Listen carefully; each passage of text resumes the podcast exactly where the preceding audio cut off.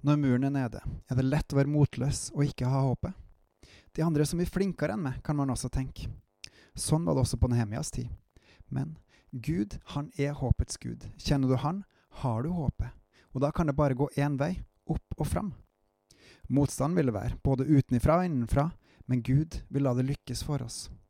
Velkommen hit til Gud i sentrum og meg, Håkon Winnem. I Nehemia 2, 10-19 står det. Men da Sanballat fra Bethoron og tjenestemannen Tobia fra Ammon hørte dette, ble de harme. De var svært misfornøyd med at det var kommet en mann som ville ta seg av israelittenes sak. Da jeg kom til Jerusalem, holdt jeg meg i ro i tre dager. Men så sto jeg opp om natten og tok med meg noen få menn. Jeg hadde ikke fortalt noe menneske hva Gud hadde tilskyndet meg å gjøre for Jerusalem. Jeg tok heller ikke med andre dyr enn det som jeg red på. Midt på natten dro jeg gjennom dalporten, forbi Dragekilden og fram til Askeporten. Jeg så på Jerusalems nedrevne murer og på portene som var ødelagt av brann. Så red jeg over Kildeporten og til Kongedammen, men der var, der var, det ikke mulig å komme fram med dyret som jeg red på. Samme natten gikk jeg opp gjennom dalen og undersøkte muren.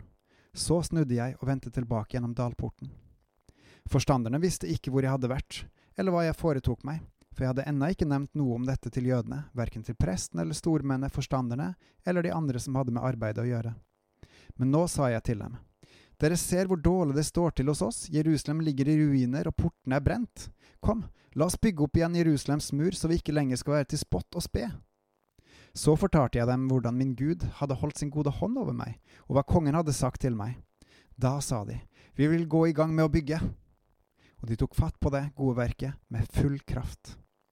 Men da Sanballat fra Betoron, tjenestemann Tobia fra Ammon og raberen Geshem hørte dette, spottet de oss og viste oss forakt. Hva er det dere gjør, sa de, vil dere gjøre opprør mot kongen? Det er lett å være motløs, men ikke dersom man er drevet av en hellig ånd. David André Østby, lovsangspastor i Philadelphia-kirka i Oslo, sier Korsets seier 19.6 følgende. For dagene som kommer. Øvelse gjør mester, også i troslivet. Jeg husker godt langrennsturen i andre klasse videregående. Rett før avreise forsto jeg at jeg ikke hadde utstyr i orden.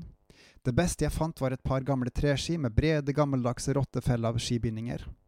Ettersom bindingen var gått ut av produksjon, var det umulig å kjøpe sko som passet. Gleden var derfor stor da jeg fikk låne et par gamle skisko av min svigerinnes bestemor. I skiløypa havnet jeg raskt bakpå. Har du dårlig kondis, enda dårligere glid og skiutstyr fra andre verdenskrig, er det ikke lett å holde følge. Etter et langt stykke som sistemann var gleden stor da jeg så klassevennene mine vente på meg en lysning i skogen. Men så fort de fikk øye på meg, og før jeg hadde rukket å stoppe, sa de til hverandre David er her, da kan vi gå videre. Når du blir trett av å løpe om kapp med fotfolk, hvordan kan du da løpe om kapp med hester? skriver profeten Jeremia. Ofte fortviler vi når vi ikke oppnår målene våre, men enhver idrettsutøver vet at det ikke holder bare å prøve. For å bli mester må man øve. Det handler om å bygge opp kondisen gradvis. Dette gjelder også i det kristne livet. Også de åndelige disiplinene krever øvelse.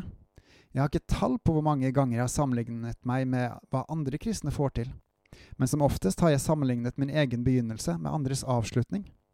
De som i mine øyne får det til, høster bare frukten av et forberedt liv. Det er bra å sette seg mål og ha høye ambisjoner, men vi må begynne der vi er. Det handler om å bygge opp kondisen, gradvis, enten det gjelder bønn, bibellesing eller trosdeling. Går vi for hardt ut og oppdager at vi mangler nødvendig kondis, ender vi lett med å bli skuffet. Blir vi skuffet, reduseres sannsynligheten for at vi forsøker igjen. Hva om vi tenker om de åndelige disiplinene som vi tenker om alt annet i livet? At dette er noe vi kan øve oss på? Vi må lære oss å løpe om kapp med fotfolk før vi kan løpe om kapp med hester. Er du prega av mistro? Tror du trengsler forestår? Er alle andre bedre enn det? Jesus lever, og det i oss. I Han er alt mulig, også at du kan bli fullmoden i Han. Vi må alle starte en plass. Begynn der du er, med Gud, og du vil vokse som bygger på Guds rikes mur. Bebels, sammen med Gud, og veks, fra der du er til enhver tid. På gjenhør.